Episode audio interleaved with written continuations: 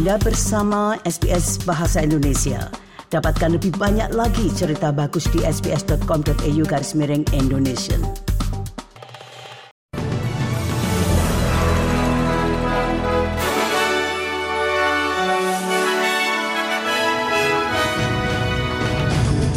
Sari berita untuk hari Minggu 18 Juni 2023. Perdana Menteri Anthony Albanese menyerukan Partai Hijau dan pihak koalisi untuk memilih mendukung dana perumahannya. They are playing this game of not voting against it. It's just been deferred. Presiden Rusia Vladimir Putin menginterupsi delegasi para pemimpin Afrika yang berharap untuk menengahi kesepakatan damai antara Rusia dan Ukraina. This is indeed a historic mission in a quest for peace. We are here to listen Baiklah pendengar, berikut ini kami sampaikan berita selengkapnya.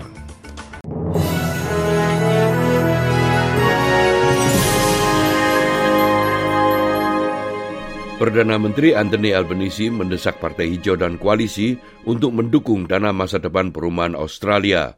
Dana tersebut akan menginvestasikan 10 miliar dolar dan menggunakan hasilnya untuk mendanai perumahan sosial dan terjangkau.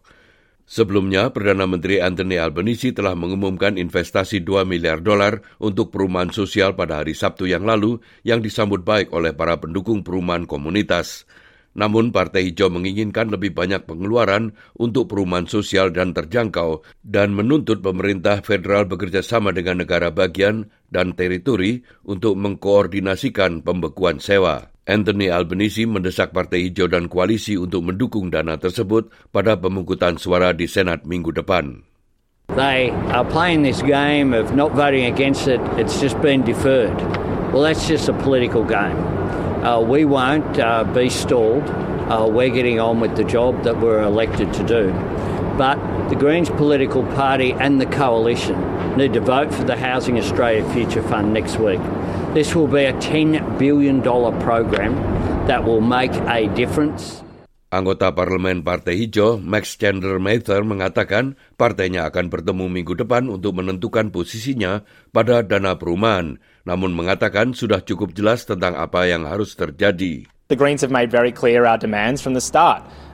More guaranteed funding every year for public and affordable housing, and real action for renters because you can't pretend like one third of the country who rents do not matter. Sementara itu, CEO dari Community Housing Industry, Wendy Hayhurst mengatakan penting untuk bekerja dengan layanan dukungan untuk memastikan orang-orang dengan kebutuhan perawatan ekstra didukung di perumahan sosial.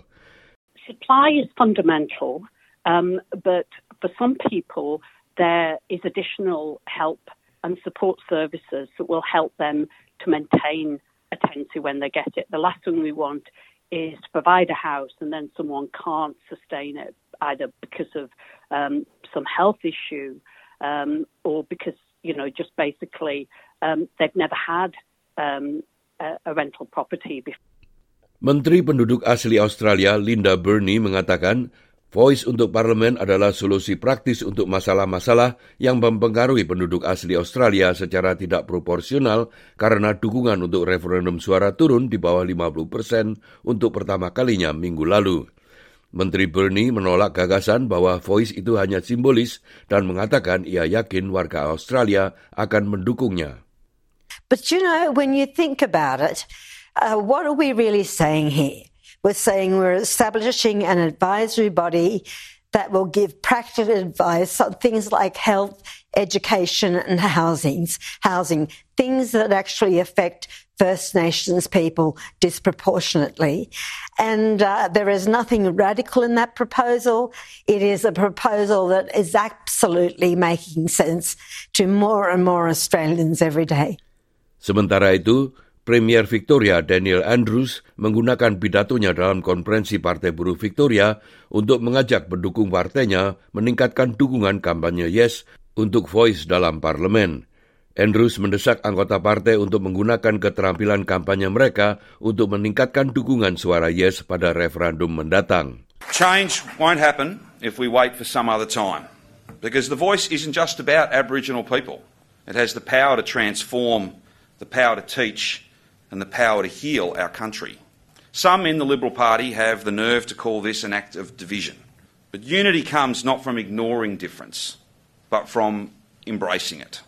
Sementara itu, pemimpin Partai Liberal Federal, Peter Dutton, memperingatkan para pendukung partainya untuk tidak terganggu oleh kampanye Yes untuk referendum voice. Dutton mengatakan fokusnya harus pada melakukan pekerjaan untuk memastikan partai itu berada dalam posisi memenangkan pemilihan federal berikutnya. Yes, we've come to a party position to formally oppose the voice. It's a position strongly supported by my shadow ministry and our party room. As we proceed towards the referendum, let's keep in mind that this referendum is not our choice, it's every Australian's choice. And we must not let this vote on the voice distract us from holding the Albanese government to account. And we must not let it distract us from doing the hard policy work to win the hearts and minds of the Australian people come the next election.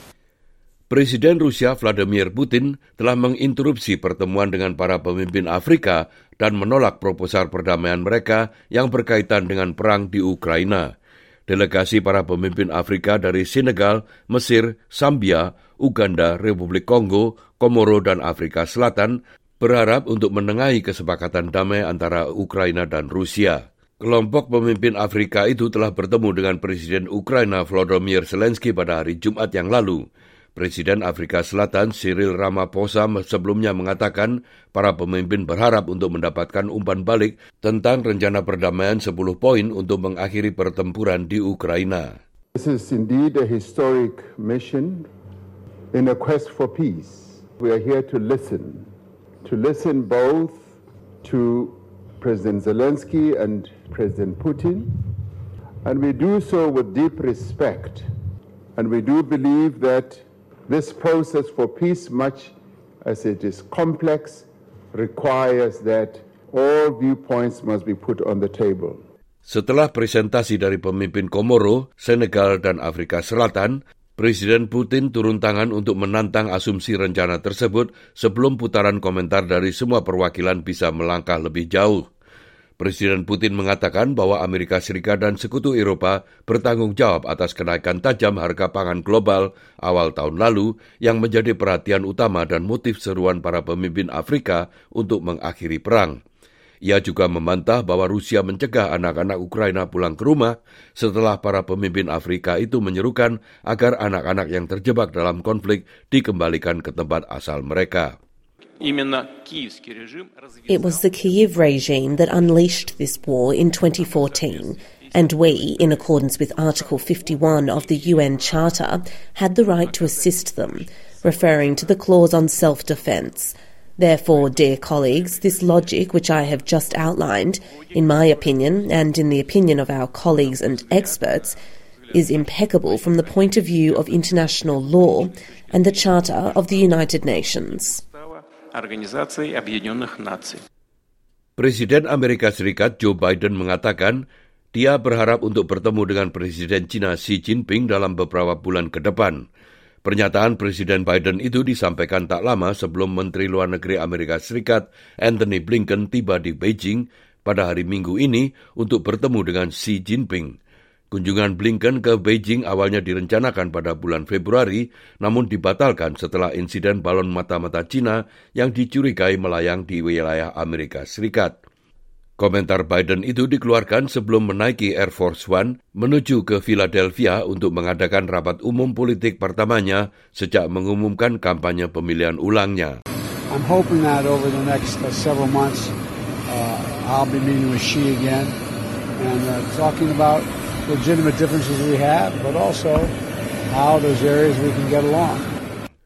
Puluhan ribu warga Israel sekali lagi turun ke jalanan pada saat mereka terus memprotes usulan pemperombakan peradilan yang diusulkan oleh Perdana Menteri Benjamin Netanyahu.